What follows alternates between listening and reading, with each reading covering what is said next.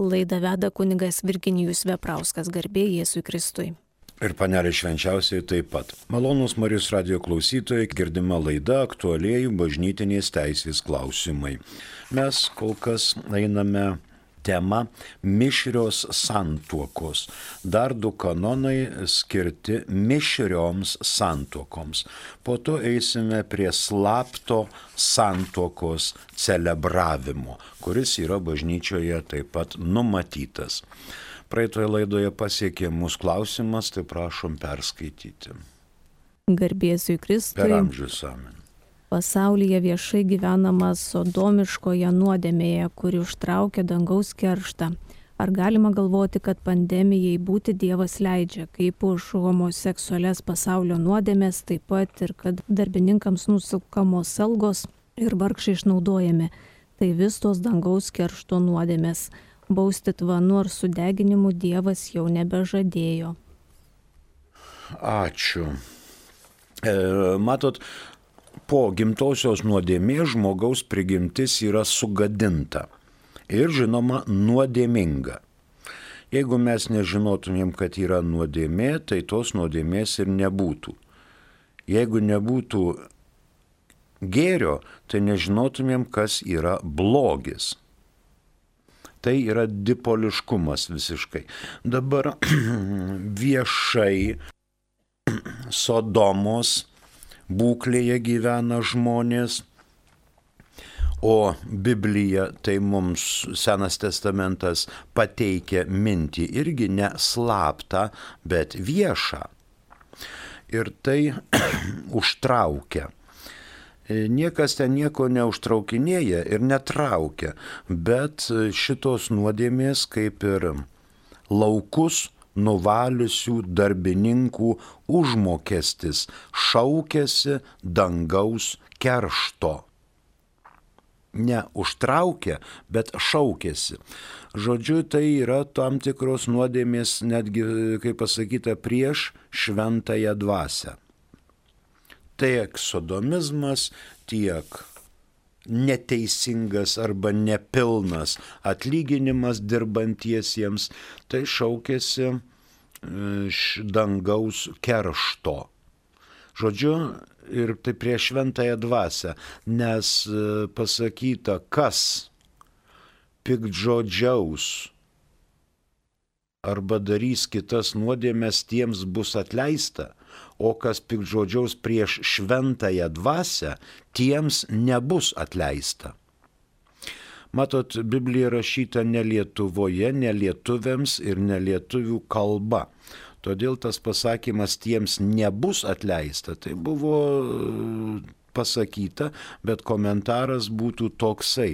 Ne taip, kad nebus atleista, bet bus atleista tik labai sunkiais atvejais kas pikdžodžiauja šventai dvasiai, tam reikia labai daug meilės ir atgailos, kad jis pajustų kaltę, pajustų nuodėmę ir atgailautų. Tada jam tikrai bus atleista, bet tai yra padaryti sunku. Dabar su tuo COVID, tai jūs pasakykit man, e, kada buvo kitaip. Visais amžiais tai šiltinė, tai maras, Europoje ten ir po trečdalį žmonių yra išmirę atskirais amžiais mm, ir netgi e, bėgo nuo persekiojimų žmonės, iš Austrijos net atbėgo žmonės į Vilkiškius, į Mažąją Lietuvą apsigyveno ieškodami prieglopščio nuo karų, marų ir persekiojimų. Tai visais amžiais buvo. Mm, tik tai žmogus turėtų rodyti viens kitam meilę ir pagalbą. Štai gyvena Sodomos nuodėmėje. Jeigu jam būtų gerai gyventi be sodominės nuodėmės, tai jisai ir gyventų be sodominės nuodėmės. Bet jam kažkas sutrukdė. Gal vaikystėje patirti išgyvenimai, neteisybės, gal patirti didžiuliai lūžiai, tai paskui jūs užaugęs keršina visam tam ir elgesi kaip jam patinka, dėl to, kad su juo kažkas elgesi vaikystėje taip arba kitaip. Taip kad čia niekas nieko neužtraukia ir kad daug gyvena ar mažai gyvena. Mes esame ta druska ir ta šviesa, kuri neturėtų būti dengiama po ryku, bet krikščionys turėtų ištiesti pagalbos ranką visų pirma žmogui padėti jam atsitokėti, susivokti ir grįžti į gyvenimo kelią. Jeigu nebūtų dangaus keršto besišaukiančių nuodėmių, tai visi gyventų, šipsotųsi vienas kitam ir galvotų, kad taip reikia ir taip yra. Bet Biblija mums pateikia pavyzdžių, kad taip neturėtų būti ir kad tai yra aiškus ir atviras moralės normų nesilaikimas, o tai prie gero nepriveda. Ačiū už šitas mintis. Nepamirškime, kad melžiamės šią savaitę už kunigus ir pašaukimus į dvasinį luomą. Dabar mus pasiekė dar žinutė, ar ne? Prašau. Garbėjėzui Kristui, kuo skiriasi bažnyčios konsekracija nuo bažnyčios pašventinimo. Iš anksto dėkoju bronius. Ačiū konsekracija bažnyčios yra iškilmingas pašventinimas, kuriame dalyvauja vyskupas arba keletas vyskupų ir kalbamos bažnyčios konsekravimo maldos bei bažnyčios sienos tepamos šventais aliejais. Tai turėtų būti kaip pastatas ne pašiūrė, bet jau monumentalus iš akmens, iš mūro, iš medžio. Mm, va, pavyzdžiui, kad ir ta pati Prienų bažnyčia. Pažiūrėkit šiek tiek aukščiau virš akių lygio, ten yra medinė bažnyčia, bet jinai pažymėta tokiais kryžiais. Nu, kiek ten kryžiaus matmo, kokia 70 cm skersmuo. Ir pažymėta, reiškia, tose vietose bažnyčia yra patepta šventais aliejais. Tai yra konsekruota. Taip pat ir mūrinėse bažnyčiose matome tokius kryželius. Paprastai jie yra žemiau kryžiaus kelių stočių. Ir bent keturiose vietose bent keturiose vietose tokia bažnyčia konsekruojama. O kokia pašiūrė, tokia medinė arba koplyčia arba kapinių koplyčia, tai jinai yra pašventinama. Nebūtinai vyskupas tą daro, vyskupas gali leisti kunigui klebonui arba prelatui arba kurijos, generalvikarui, vyskupo vikarui atvažiuoti, nes ekscelencija būna labai užimtas ir ne visuomet teikėsi atvažiuoti pašventinti net ir kertinį akmenį. Pavyzdžiui, Kaune Šančių bažnyčia, tai Skvireckas nebuvo atvažiavęs į tos bažnyčios pašventinimo iškilmes. Per toli nuo Kauno kūrijos iki Šančių atvažiuoti ir tada vykdė pašventinimą bažnyčios kunigas. Ir Šančių bažnyčia yra nekonsekruota, o tik tai pašventinta. Tai broniau tiek, jeigu dar kokių minčių, mielai prašom, klauskite. O mes eikime prie 1128 kanono. Vietos ordinarai ir kiti sielų ganytojai turi rūpintis, kad sutuoktiniui katalikui ir iš mišrios santokos gimusiems vaikams netrūktų dvasinės pagalbos, vykdant savo pareigas ir padėti sutuoktiniams puoselėti santuokinio ir šeimos gyvenimo vienybę. 1128 tai yra įpareigojimas vietoms ordinarams. Tuo pačiu pažymėta ir kitiems sielų ganytojams. Dėl katalikiškos šalies, kad katalikiška santoko šalis mišoje santokoje neprarastų tikėjimo ir kad būtų jiems suteikta gimusiems iš tokios santokos vaikams pagalba gyvenimo kelyje, šeimoje ir santokoje. Nes mišri santoka, kai vienas yra katalikas, o kitas yra nekatalikas, bet pakrikštytas asmuo. Vertybės. Žinoma, vertybės išpažįsta visi pakrikštytieji, tai būtent pats krikštas, plačiaja prasme tikėjimas, na ir žinoma moralė, dekalogas, dešimt Dievo įsakymų. Kitos bažnyčios gali įvairuoti šitose sampratose, bet esmė plačiaja prasme yra ta pati.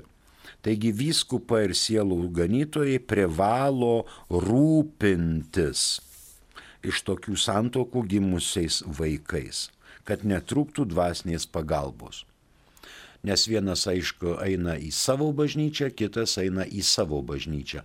O jeigu santoka duota katalikų bažnyčioje, tai e, katalikiška šalis įsipareigoja visus vaikus gimusius iš šios santokos katalikiškai auklėti ir ugdyti. Rytų kanonuose atitikmuo yra 816 kanonas.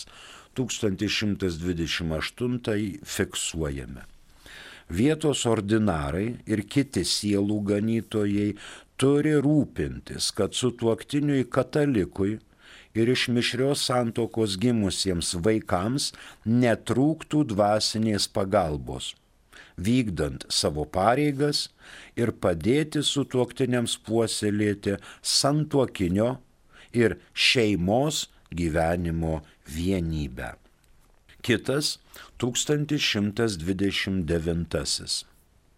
Čia 1127-28 kanone nuostatos privalo būti taikomos ir santuokoms, kurioms trukdo kulto skirtumo kliūtis, apie kurią kalbame 1086 kanone. Taigi ne vien tik tai mišrios santokos tarp pakrikštytųjų, bet mišrios santokos ir kai yra kulto skirtumas, kai viena šalis katalikiška, o kita šalis yra nekrikštyta. Visai, visai ir netrupučiuko. Tai gali būti Mozės išpažinėjas, tai gali būti musulmonas, tai gali būti netikintis asmuo, tai irgi yra mišri santuoka. Dabar į aluzija į 1127. Tai mes jį ir pasiskaitysime. Dėl formos taikomos mišriai santuokai turi būti laikomasi 1108 nuostatų. Tačiau jei katalikiškoji šalis sudaro santuoką su nekatalikiškąja rytų apieigų šalimi, kanoninė celebravimo forma reikalaujama tik teisėtumui. Galiojimui reikalaujama išventintojo tarnautojo dalyvavimu, laikantis kitų teisės reikalavimų. Jei dideli sunkumai trukdo laikytis kanoninės formos, katalikiškosios šalies vietos ordinaras atskirais atvejais turi teisę nuo jos dispensuoti. Tačiau atsiklausęs vietos, kurioje celebruojama santuoka ordinaro ir galiojimui išlaikydamas bet, bent kokią viešą celebravimo formą. Vyskupų konferencijai priklauso nustatyti normas, pagal kurias dėl vienodų priežasčių būtų suteikiama minėtoji dispensa. Draudžiama kad tiek prieš kanoninį celebravimą pagal pirmojo, pirmojo paragrafo normą, tiek po jo įvyktų kitas tos pačios santokos religinis celebravimas, pareiškiant ir atnaujinant santuokinį sutikimą. Taip pat neturi būti religinio celebravimo, kai asistuojantis katalikas ir tarnautojas nekatalikas, kiekvienas atlikdamas savo apeigas drauge prašytų šalių sutikimo. O 1128 jau mes pasiskaitėme. Dabar dar 1086 kanonas. Santuoka dviejų asmenų, kurių vienas yra pakrikštytas katalikų bažnyčioje arba į ją priimtas, o kitas nekrikštytas, yra negaliojanti. Nuo šios kliūties neturi būti dispensuojama nebent įvykdžius sąlygas, kurias aptarė 1125 ir 1126 kanonai. Jei santokos sudarimo metu viena šalis visuotiniai buvo laikoma pakrikštyta arba jos krikštas buvo abejotinas, pagal 1060 normą turi būti prezumuojamas santokos galiojimas, kol aiškiai nebus įrodyta, kad viena šalis buvo krikštyta, o kita nekrikštyta. Tai dabar 1060. Santuoka turi teisės palankumą. Todėl esant abejoniai, santuoka turi būti laikoma galiojančia, kol nebus įrodyta priešingai. 1129. Čia yra žinoma numatomos dispensos nuo kanoninės formos ir 1129 yra taip pat nurodyta globa mišrioms santuokoms. Ir žinoma netgi, kai yra kulto kliūtis. Kulto kliūtis. 1086. Va čia mes jį ir perskaitėme. Tai plačiaja prasme taip pat mišri santuoka, kai yra vienas, viena šalis katalikiška, ar vyras ar moteris nesvarbu, o kita šalis paprasčiausiai pažymima kaip nekrikštyta. Nekrikštyta. Kitų religijų nekrikščioniškų religijų atstovas. Žodžiu, myli vyras moterį ir bažnyčia nedaro siaubingų kliūčių, kad galima būtų šitą santuoką laiminti. Bet šalia to, kad ir palaimino santuoką, katalikų bažnyčia stengiasi ir turi rūpintis per vyskupus ir sielų ganytojus, kad tokia šeima, ypatingai katalikiškoji pusė ir vaikai gimę iš šios santokos būtų ugdomi, auklėjami ir krikštyjami savaime suprantama katalikų tikėjime. Ta įpareigoja 1129 kanonas. Rytų kanonuose atitikmens šiam nėra. Fiksuojame. 1127 ir 1128 jų nuostatos privalo būti taikomos ir santokoms, kurioms trukdo kulto skirtumo kliūtis, apie kurią kalbama 1086 kanone. Tai apie mišrės santokas pabaigėme, dabar iš eilės slaptas santokos celebravimas.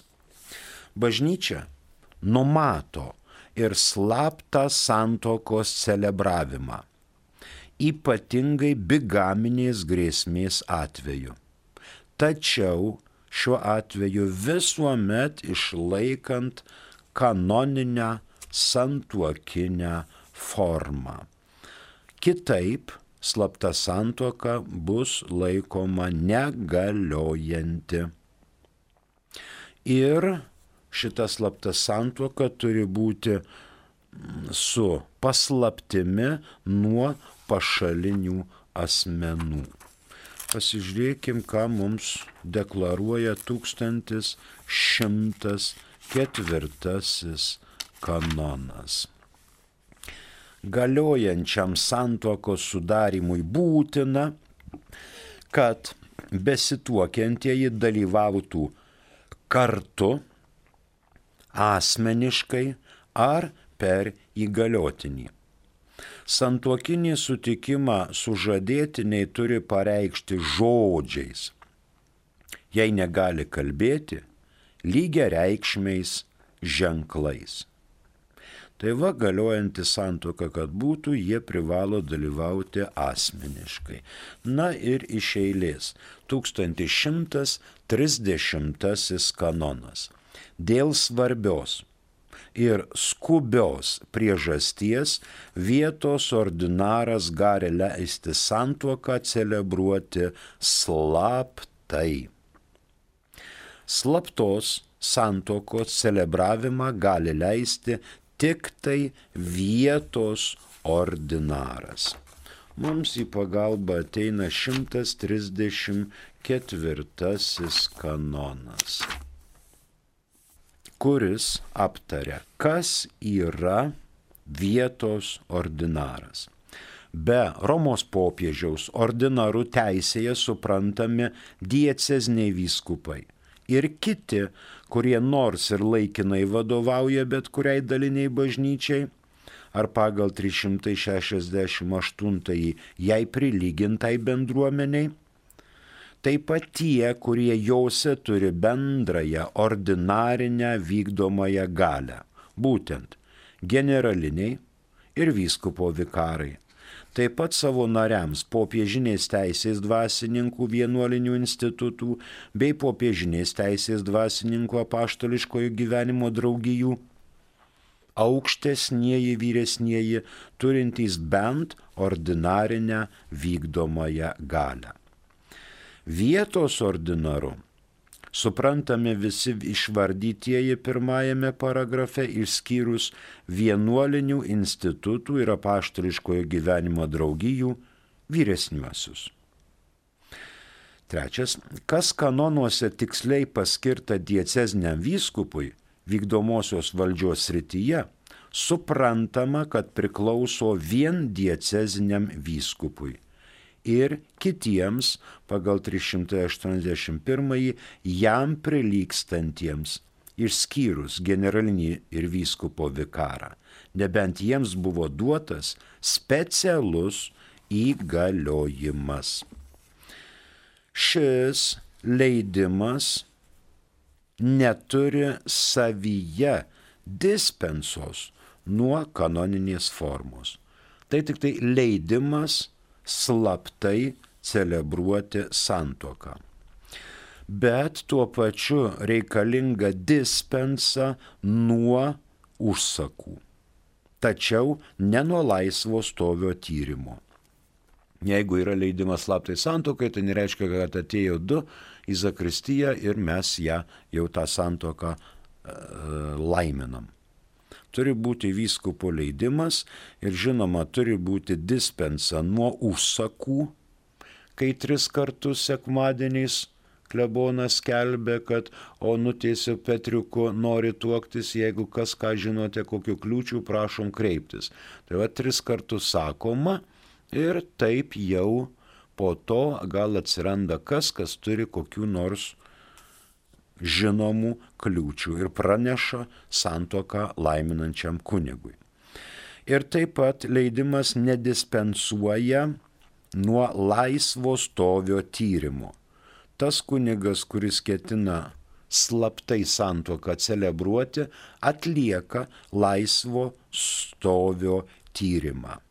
Gali atlikti tiek lebonas, gali atlikti ir vyskupas, kuris duoda tokį leidimą jeigu jis turi ūpą, tegul užsieima tyrimu. Leidimas slaptai santuokai duodamas esant svarbiai ir skubiai priežasčiai. Pavyzdžiui, sąžinės numarinimas, kai gyvenama konkubinate, o aplinka mano, kad jie susituokia arba kai viena arba abi šalys gali prarasti, tarkim, pragyvenimo šaltinį. Jeigu kas sužinotų apie jų santuoką ir taip toliau. Dėl slaptos santokos celebravimo aplinkybės vertina vietos ordinaras. 1917 m. kanonų teisės kodekse tą reglamentavo 1104-1107 kanonai. Pavyzdžiui, gali būti netgi didelis socialinio statuso skirtumas. Indija, kastos, iš aukštesnės kastos ar žemesnės kastos, ten yra nepriimtina, kad įsimylėtų vienas kitą, mylėk reiškia savo kastos asmenį, negali įsikliopinti į žemesnės per kelis rangus kastos asmenį ir tada prasideda bėdos. Pavyzdžiui, gali būti artimųjų nesupratimas, kad čia reiškia nuogas plika basa veda ir tų artimųjų prieštaravimas. Gali būti draudimai primetami civilinės teisės, kai varžoma sutuoktinių laisvė. Gali būti toks nesaugus nuolaidžiavimas, gyvenimas atitinkamas gali būti nesaugus nuodėmingas gyvenimas, moralinė arba stipri ekonominė žala. Tačiau šitas leidimas slaptai santokai duodamas vis, reiškia, dėl salius animarum. Tai aukščiausias įstatymas turi būti sielų išganimas mums į pagalbą ateina turbūt paskutinysis kanonų kodekso kanonas 1752. Čia apie perkelimo bylas. Perkelimo bylose turi būti laikomas 1747 nuostatų, laikantis kanoninio teisingumo ir atsižvelgiant į sielų išganimą kuris visuomet bažnyčioje turi būti aukščiausias įstatymas.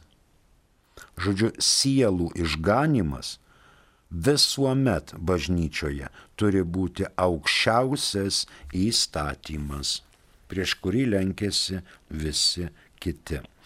Rytų kanonuose atitikmuo yra 840. 1130 fiksuojame. Dėl svarbios ir skubios priežasties vietos ordinaras gali leisti santuoką celebruoti slaptai. Primenu, kad klausotės Marijos radio bangomis laidelę aktualieji bažnytinės teisės klausimai. Mus pasiekė esame žinutė, prašom jei vienas iš sutuoktinių yra katalikas, o kitas netiki jokių dievų, nepripažįsta Dievo, ar tokia santuoka laikoma mišre, kunigas santuoką palaimino. Taip, taip, taip, taip. Viena iš susituokusių šalių yra katalikiška, o kitas netiki jokių dievų, nepripažįsta Dievo. Absoliučiai nepripažįsta.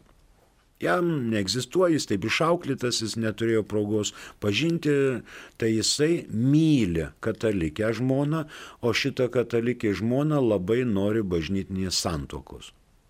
Ir toks asmuo gali, ne tik, kad negali, bet neina nei iš pažinties, nei komunijos.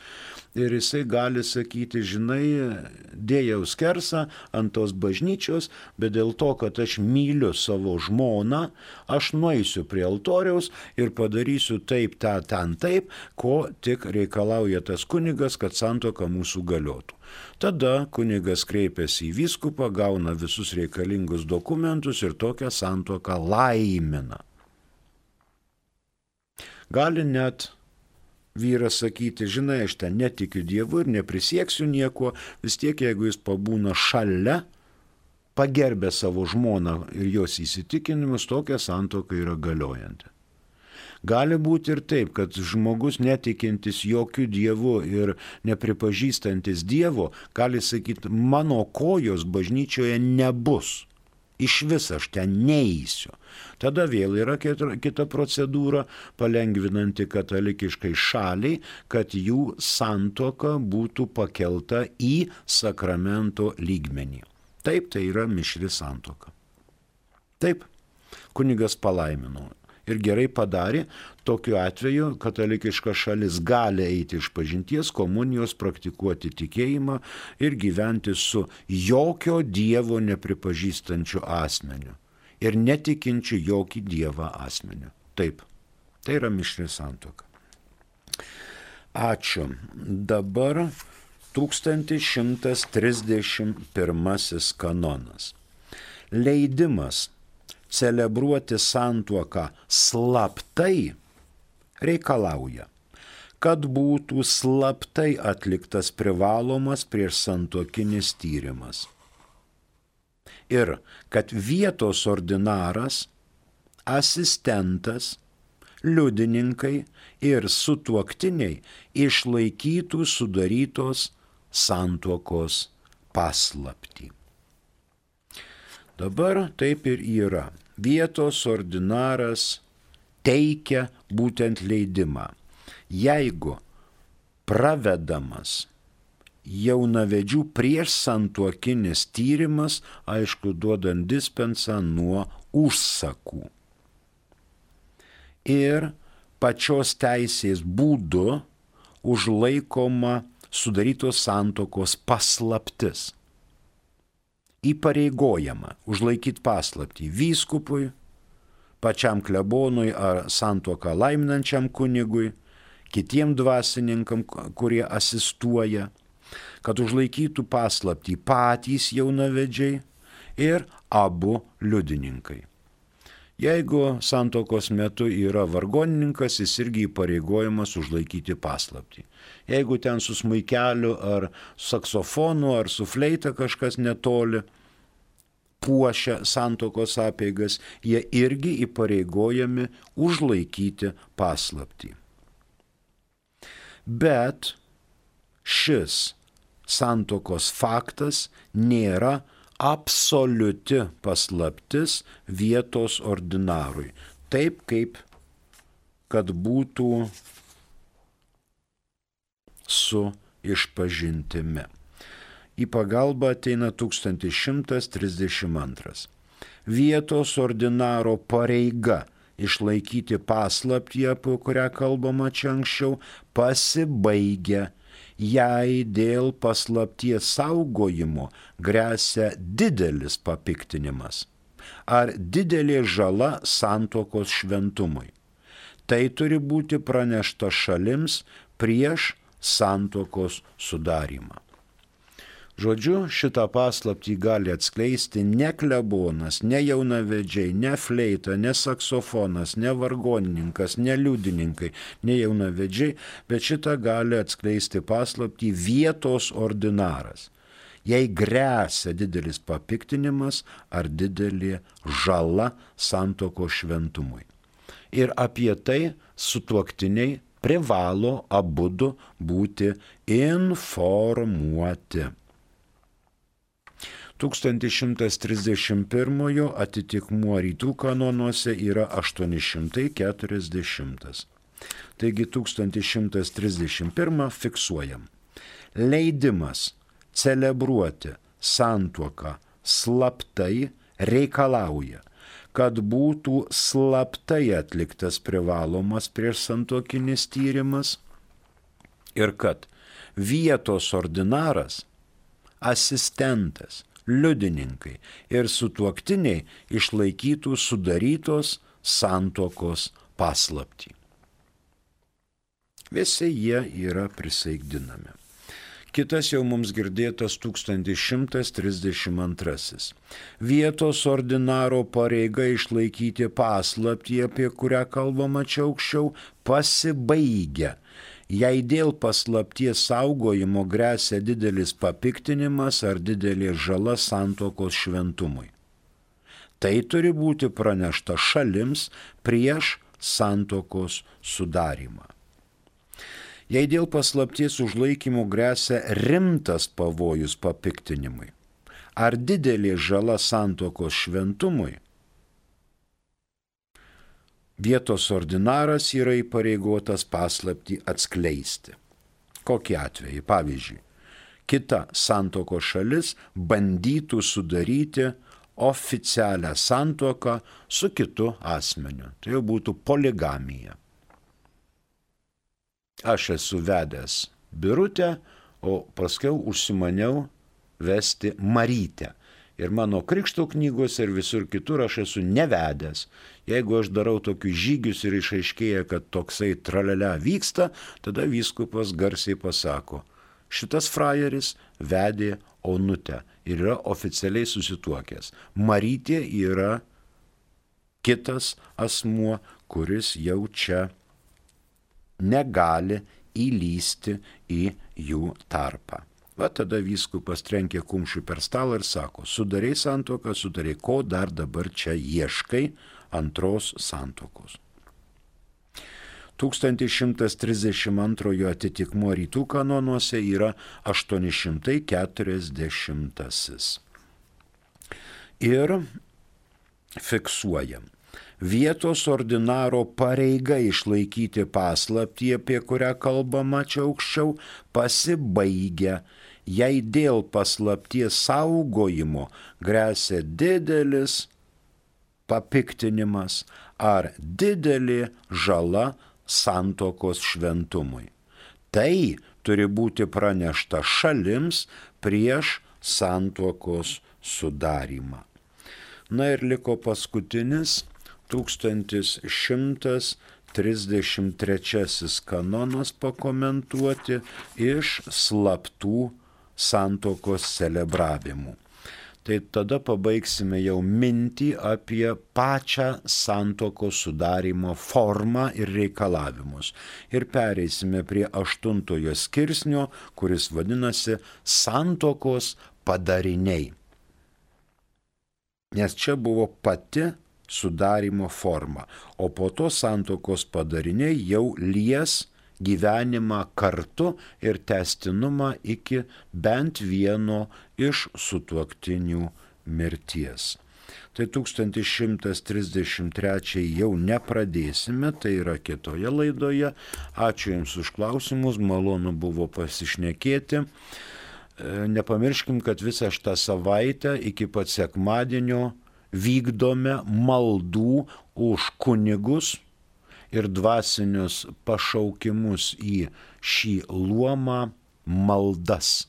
Melskimės, kad ir mūsų parapijose kiltų pašaukimai, jie šiaip savo neatsiranda. Reikia maldų. Viešpats Jėzus pasakė, mels, pjūtis didelį, melskite pjūties šeimininką, kad atsiųstų darbininkų į savo pjūtį.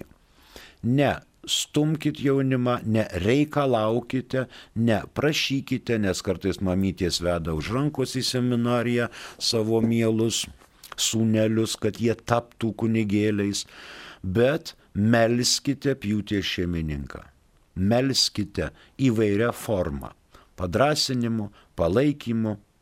Kunigai klebonai nueina į gimnazijos paskutinės klases, prieš gaunant brandos atestatų, gal viena kita širdis pajus polėkį eiti į vienuolinį gyvenimą arba į kunigišką į gyvenimą.